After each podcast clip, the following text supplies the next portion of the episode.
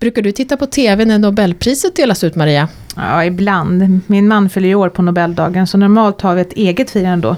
Och då är det utan galaklänningar och vackra frisyrer. Men de gånger jag har försökt hänga med på TV så har jag tyckt det är rätt svårt att förstå vad de pratar om. Men kul att kolla på alla de där vackra människorna såklart, och alla fina frisyrer och kläder och prinsessor. Och maten. Mm, och maten. Ja, men vänta nu. I år kan du lyssna lite extra när priset i ekonomin delas ut. För den där vinnaren, Richard H. Thaler, om ska uttrycka det rätt. Hans forskning kan faktiskt påverka hur framtidens premiepension utformas. Mhm.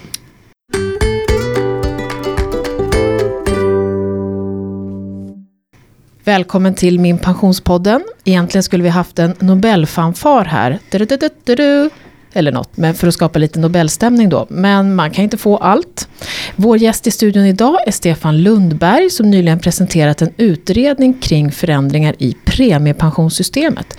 Alltså den del av allmänna pensionen som vi placerar i fonder. Hej Stefan, vem är du berätta? Hejsan! Jag har ju gjort den här utredningen för jag tyckte det var liksom ganska kul. Jag jobbar ju inte i Sverige, jag är utvandrad sedan tio år. Och då är det lite spännande att komma tillbaka och titta på Sverige. Man ser ju Sverige då med lite andra ögon. Nu är ju så, nu har jag hyfsat kontakt med Sverige ändå för vi har ju ett hus här uppe i Roslagen. Och jag brukar vara där rätt ofta. Och mina intressen när jag inte jobbar, det är egentligen att hålla på och fixa gamla trasiga saker. Så vi har ju ett gammalt timmerhus som vi lagar och fixar till. Och det är ett långt, långt projekt. Det som är lite kul med det, det var att förra veckan så var jag i Holland och då visade de en jättefin grön byggnad. Där de var väldigt stolta att den här är helt återvinningsbar och, och de slog sig för bröstet. Och då tittade jag på den och så skrattade jag så tänkte jag, det här gamla timmerhuset där man isolerar fönstren med mossa och så. Mm. Det är ju faktiskt 100% ekologiskt återbruk. Mm. Så det är inte alltid det nyaste är liksom det bästa. Nej. Jag bor faktiskt i en stad som heter Harlem i Holland och jobbar i Rotterdam och halva min tid jobbar jag i London. Så jag har en ganska kul så här kombination att se olika städer, olika ställen. Men din bakgrund är ekonom då eller? Jag är ekonom, ja. jag har mm. doktorerat på Handels mm. i ekonomisk statistik. Mm. Och nu har du haft i uppdrag att göra en förstudie som handlar om hur vi kan förbättra premiepensionen. Men innan vi går in mer specifikt på vad du har kommit fram till så kanske vi ska reda ut det här kopplingen till Nobels ekonomipris. Ja, det ska bli spännande. Hur hänger det ihop? Jo, det var så att det här var ju väldigt kort om tid att göra utredningen. Det var ju bara tio veckor. Och då tänkte man, jag, har ju, jag fick mycket hjälp av dem på departementet. De har varit otroligt duktiga. Men jag behövde ju lite mer input. Så då kontaktade jag lite olika forskarteam. Man kastar ut lite krokar och hoppas att någon har tid. Men vet man att det är kort om tid och, och med korta hålltider, ledtider, då blir det ju liksom svårt. Men alla jag kastade ut krokar till nappade, så jag fick ju jättebra hjälp. Och då tänkte jag så jag tog en rövare och skickade ett mail då till Richard Thaler.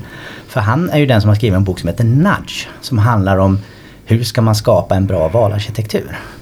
Och han svarade inom 30 minuter och sa Det här är intressant, jag vill vara med. Och då tänkte man så här, Wow, det här var ju jättekul! För då får man ju med någon som har tänkt jättemycket på det här och sett massa olika saker i olika länder. Så att det hade, jag hade en otrolig nytta av det. Kan du beskriva kort, vad är det han har kommit fram till egentligen? Vi som inte alla har läst alla Nobelprisartiklar. Mm. Han, av alla Nobelpris som delas ut, så det här tror jag är en av de mest begripliga. Han jobbar med något som heter Behavioral Economics, vilket egentligen är psykologi. Hur funkar vi som människor? Och han är ju egentligen fadern till det. Och farfar, det är ju en farbror som heter Kahneman. Mm. Och de har ju funderat jättemycket på det. De har ju fått Nobelpris nu båda två. Det som är spännande med det här, det är lite grann så här som de gamla ordspråk man hade förr. Så att det är egentligen när man tittar på det här som lekman så tänker man vad är, vad är det för nytt med det här? För det, egentligen, det här visste ju mormor och mormors mormor. Och, så det, det är ju sunt bondförnuft helt enkelt. Men det viktiga här tror jag att man, man ser människor för vad de är. Man hopp, fantiserar inte om att de är superrationella. Man är mer Homer Simpson än man är Homo economicus. Och det gör ju att när man bygger system och funderar på hur man ska hantera det här, tar man hänsyn till hur vi är så blir det lite annorlunda. Och Talers största bidrag det är ju att man måste ha en valarkitektur. Det vill säga att vilket val man än står inför så beror det på hur det är utformat så, så kommer det att driva vilket val man väljer. För att ta någonting helt annat, ta till exempel i Österrike och Tyskland när det gäller organdonationer. I Tyskland så är det knappt 15% som är organdonatorer. I Österrike är det mer än 90% Enda skillnaden är att i Österrike måste man kryssa in box där det säger jag vill inte bli organdonator. Och i Tyskland jag vill bli organdonator. Som i Sverige. Mm. Precis som i mm. Sverige. Mm. Och det viktiga här är egentligen då att hur man ställer frågorna kommer ju påverka de svar man får. Det här, det här är jätteviktigt för att det gäller ju alla delar i livet. Vi vet ju, ska man köpa en begagnad bil så vet ju den här bilförsäljaren precis hur vi fungerar, vilka knappar man ska trycka på. Och så faller man i fällan. Och när man då tänker sig ska man göra någonting som pensioner, då är det ju bra om någon liksom tänker vad är bra för individen i första läget och bygger en valarkitektur för det. Det här är egentligen väldigt tillämpbart, väldigt praktiskt. Men ett varningsfinger, det går åt båda hållen. Det kan brukas för goda syften och brukas för dåliga syften. Men, men hur är det kopplingen då till premiepensionen och våra val? Är vi, har vi för många val? Är det för, är det för långt bort? Är det någonting som vi inte orkar bry oss om? Eller hur, hur kopplar du hans forskning till just ämnet premiepension? Det finns en svensk professor som sa något jätteklokt i det här sammanhanget. Han heter Kjell Nordström. Och han är ju professor i marketing. Och han säger ju att om man ska sälja en produkt till någon, då måste man förstå meningen med livet. Och vad är meningen med livet? Jo, då kommer han fram till, han brukar säga då lite på skoj så här på engelska, The meaning of life is sex and shopping and no point postponing either of them until retirement. Och det säger väl allt. Man vill gärna ha saker här och nu, inte i framtiden. Ja, det där tycker jag låter spännande. Hur fungerar, är du likadan? Är du sån som du helst vill ha här och nu och inte... Men det där är liksom ja. så här, man vill vara, man vill göra rationella mm, val. Ja. Och sen helt plötsligt så slår det till att känslorna kickar in. Mm. Och, och helt plötsligt så är man inte så rationell längre. Nej men det, det är ju det intressanta, det tycker jag. Och, och det rationella, det som är vanligast är tydligen då att man helst vill ha saker här och nu istället för att vänta med det till längre fram. Självklart, och, och då, är det, då är det viktigt att det finns strukturer som hjälper en att hantera det här. Man behöver hjälp att skydda sig själv mot sig själv. Och det som Thaler har skrivit i sin bok där i Nudge, det var ju det här, jag tillämpar han på allt möjligt.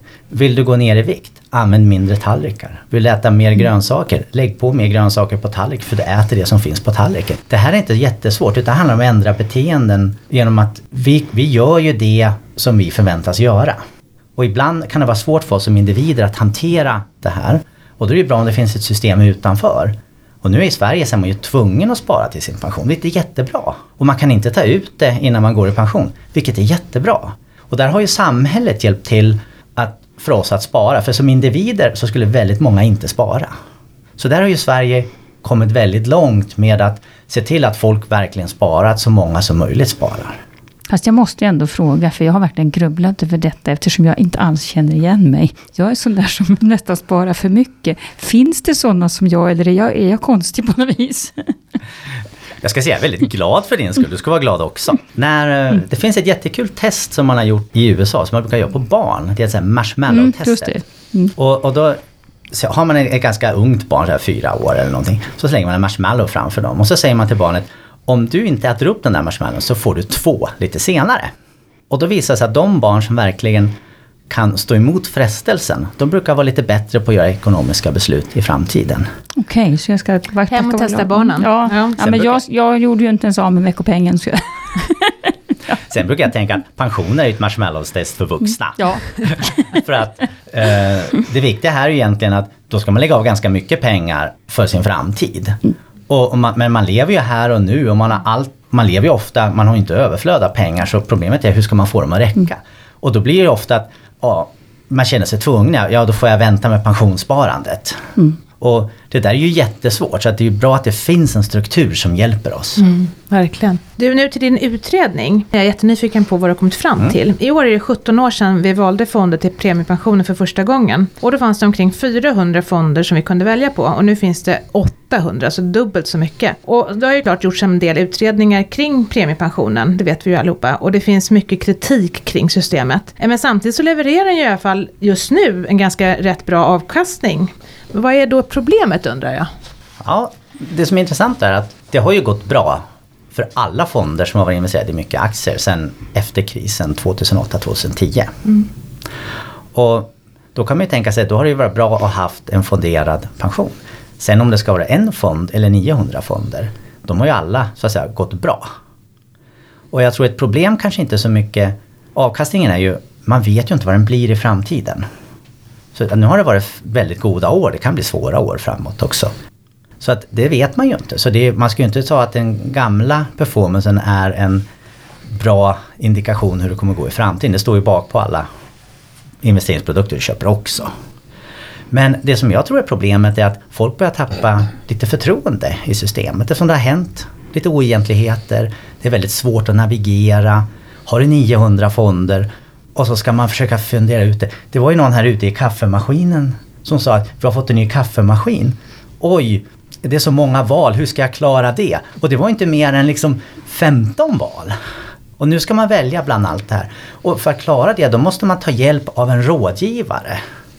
Och, och sen, ja, då kan man ju tänka sig hur det här hamnar när det också finns folk som är rådgivare som kanske mer är säljare än själva rådgivare. Då blir det ett väldigt så att säga, stökigt system.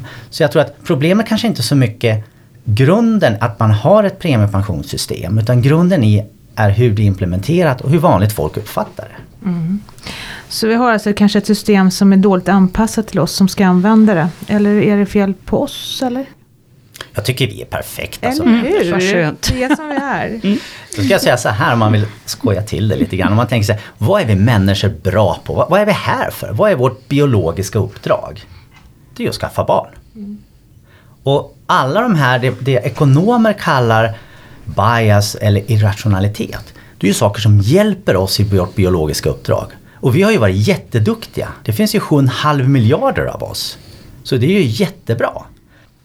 Och så stoppar vi i dem marshmallows hela tiden också. Precis.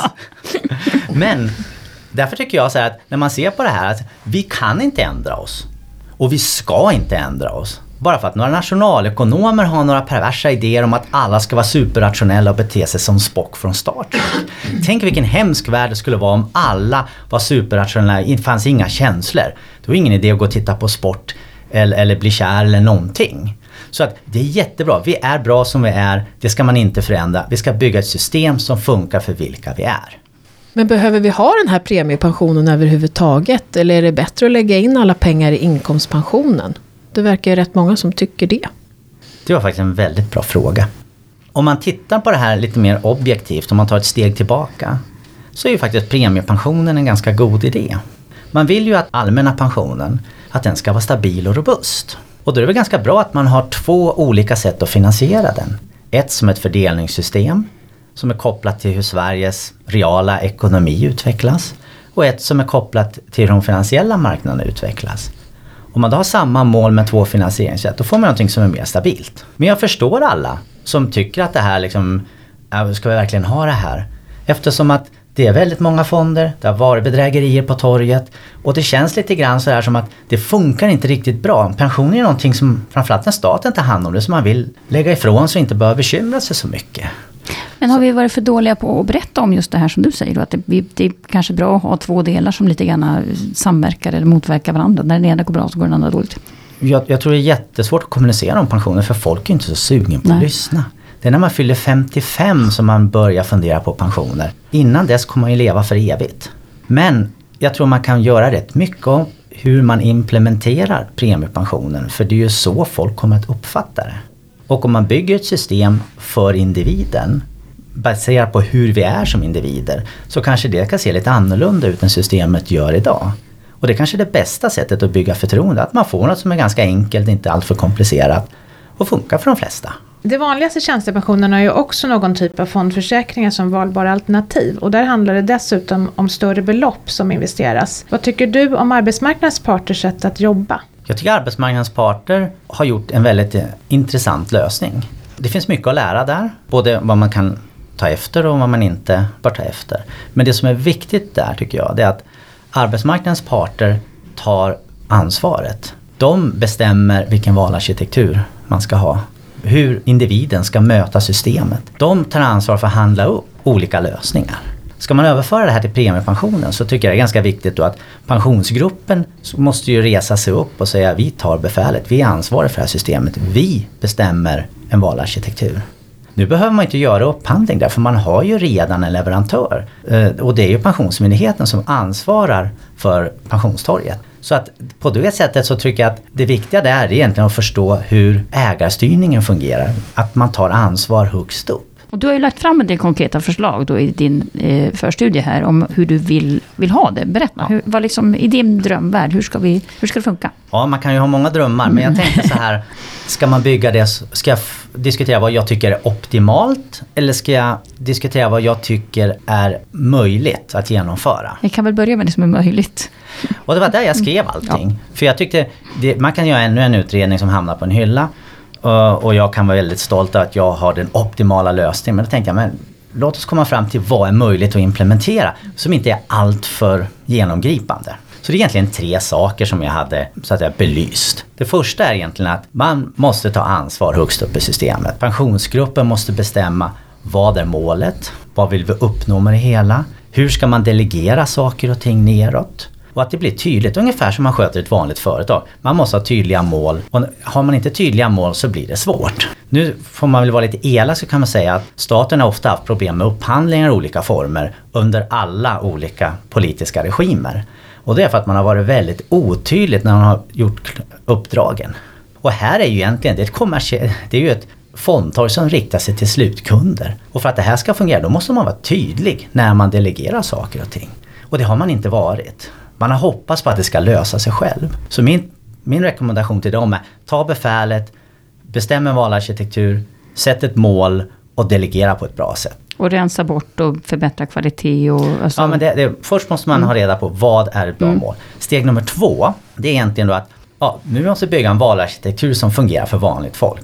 Systemet idag det är byggt av tekniker, för tekniker på 90-talet. Och det är komplicerat, så när man kommer in där och har man 900 fonder så tänker man, hur ska jag lösa det här? Så antingen gör man ingenting och hamnar i förvalet, vilket 99,5% av de som kommer in i systemet gör. Eller så säger man, wow, här är liksom en, ett, ett hav av fonder.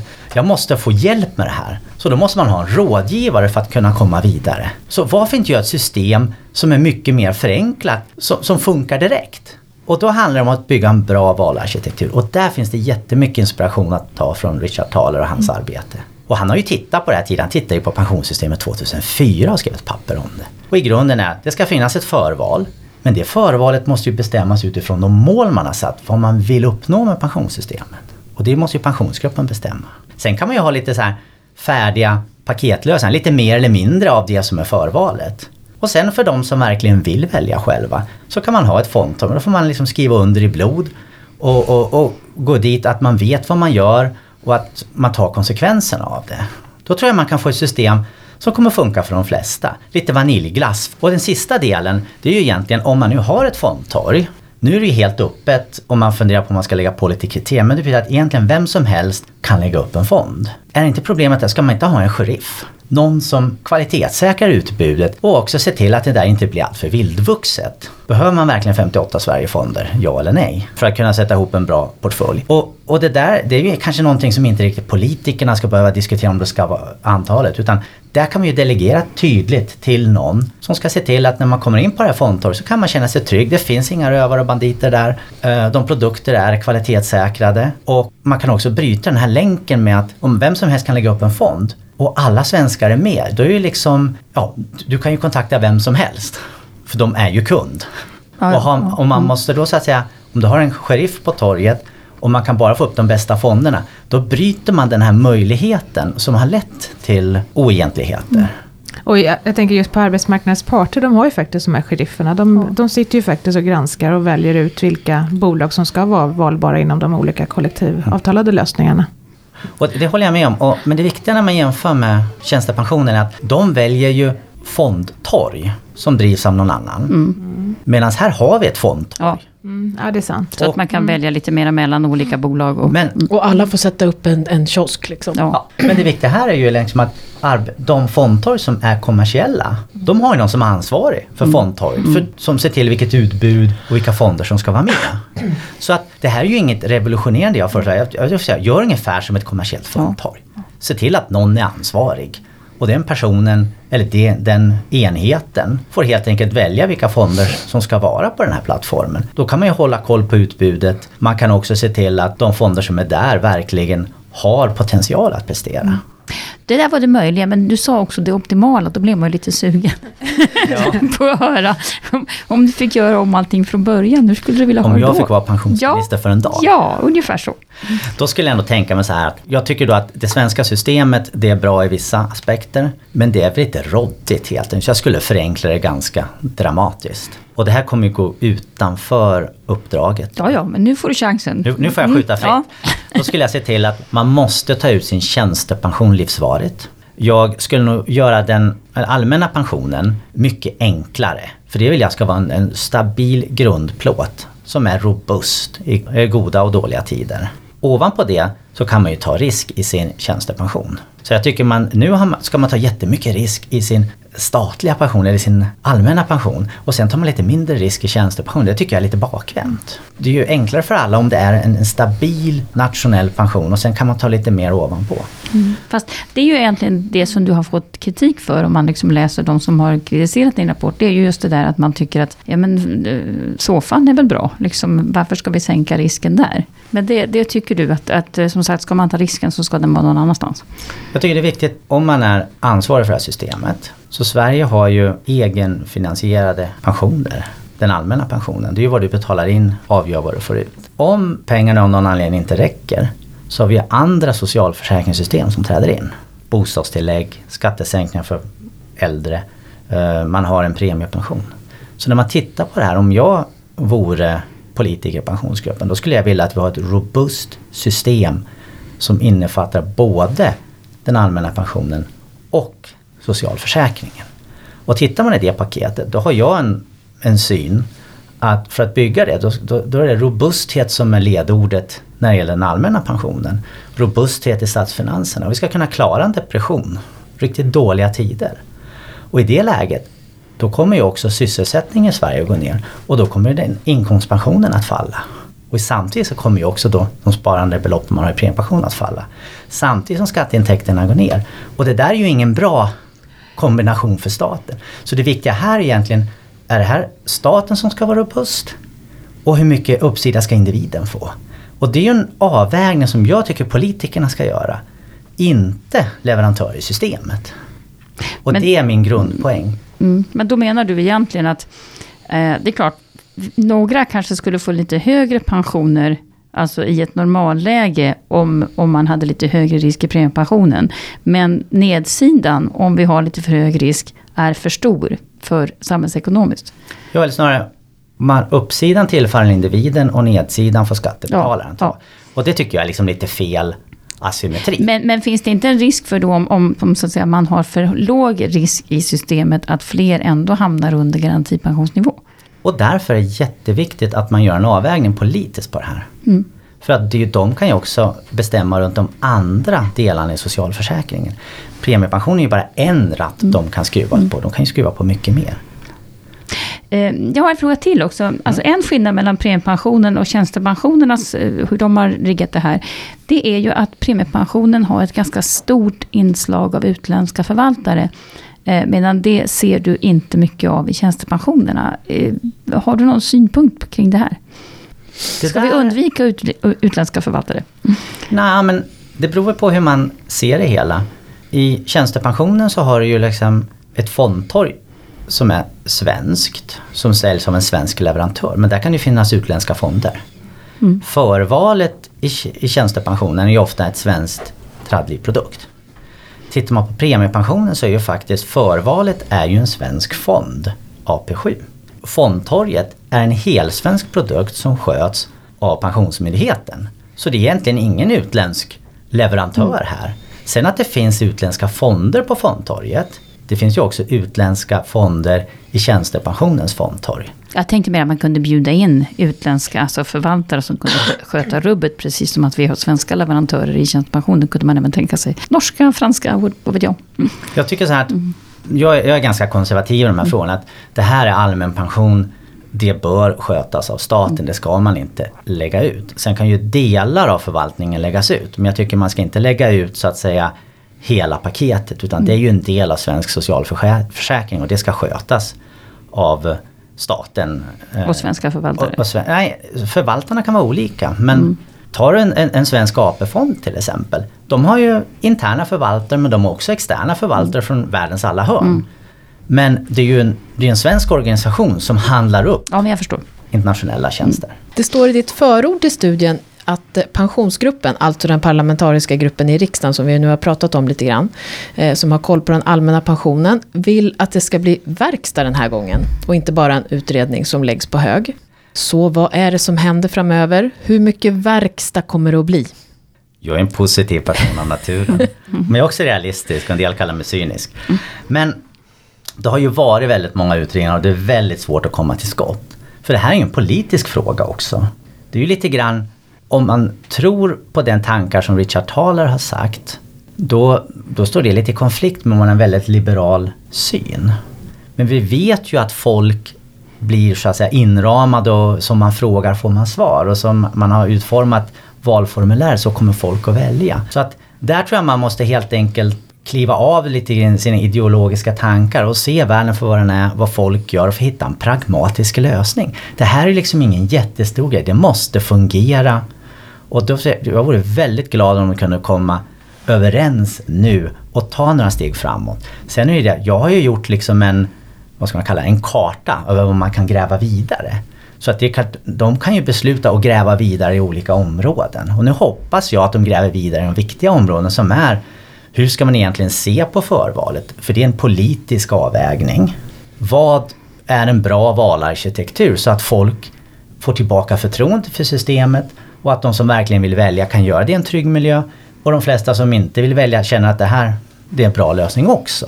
Och det tredje är ju egentligen då att att man funderar på egentligen, ska man ha en sheriff istället för att 30-punktsprogrammet som är ansvariga för utbudet och kvaliteten på fonderna. Och det är ju tre områden som jag hoppas de kommer att tillsätta. Nu, nu är det ju så att man får ju aldrig vad man vill. Så att tillsätter de två av de där tre så är jag jättenöjd. Och om tre år, då, då tror du att vi har förändrat systemet på något vis i alla fall? Jag hoppas det. Och när det gäller politiker man måste ju förstå också, det är ju sex partier som ska komma överens om någonting så viktigt och långsiktigt som pensioner. Och då blir det ju mycket diskussion fram och tillbaka och mycket kompromissande. Så att jag hoppas att de kommer till skott för folkets skull. För det här är ju viktigt för alla. Och eftersom vi också själva vill ha konsumtion här och nu så förväntar man ju sig att politikerna tar ansvar för det här.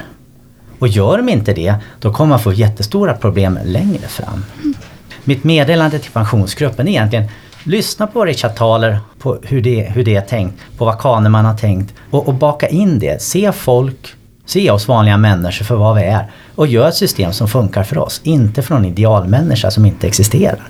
Och det är ert ansvar att göra det som pensionsgrupp. För det är ju ni som ytterst är ansvariga i systemet och Sveriges folk litar ju på er. Ja, bra, det ska bli spännande att se hur många som dyker upp på Thalers föreläsningar då när han är i Sverige. Mm. Från pensionsgruppen.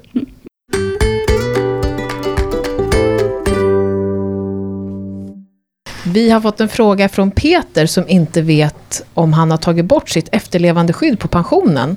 Och hur som helst så vill han inte ha något skydd längre och han undrar, hur gör man då? Kristina, det där vet du.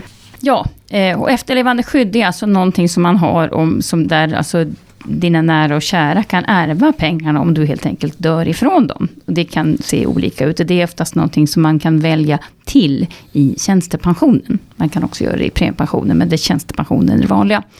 Eh, och då kan man naturligtvis också välja bort det. Eh, det är till och med någonting man faktiskt rekommenderar när du blir lite äldre. När du är ung och bygger upp en ekonomi och du kanske har barn hemma, små barn och, och någon när och kär som kanske skulle få svårt att klara sig om du, om du dör ifrån dem. Eh, då är det naturligtvis kan det vara bra att ha det här återbetalningsskyddet. Men sen när du själv börjar bli pensionär. Eh, du kanske har barn som tjänar mer än vad du själv gör. Du kanske har en gubbe vanligtvis då, då som kanske också har en bra ekonomi då kanske du inte behöver ha det här skyddet längre. Och det är ju så att tar man bort det så kan det höja din egen pension. Eftersom du då också säga, kommer åt andras arvsvinster, de som dör ifrån sina pengar i ditt kollektivavtal. Så hur gör man då? Eh, jo, man vänder sig till en valcentral. Egentligen gör man det enklast för sig, då går man in på minpension.se. Och så går man och klickar under tjänstepensionfliken. Och så ser man var man har sina tjänstepensionspengar någonstans. Då kan man faktiskt börja med att prata med de bolagen som sen hänvisar dig till rätt valcentral där du faktiskt gör själva alltså avståendet. Det man ska komma ihåg att när man gör det här avståendet, då kan det vara svårt att ångra sig och liksom få tillbaka det igen. Eh, det krävs oftast en hälsoprövning, så att det, det ska man väl tänka på. Det här är en podd som görs av Min Pension, som är ett oberoende samarbete mellan staten och pensionsbolagen. På minpension.se kan du se hela din pension och göra prognoser. I dagens program har du hört Stefan Lundberg, Kristina Kamp, Maria Eklund och jag själv Ulrika Lo. Du hittar oss på Twitter, Facebook, Instagram och om du gillar podden blir vi glada om du delar den med dina vänner. Sen önskar vi oss en julklapp och det är recensioner på iTunes. Så om du vill skriva vad du tycker om våran podd på iTunes så blir vi jätteglada. Ta hand om din pension tills vi hörs igen. Hej då! Hej då!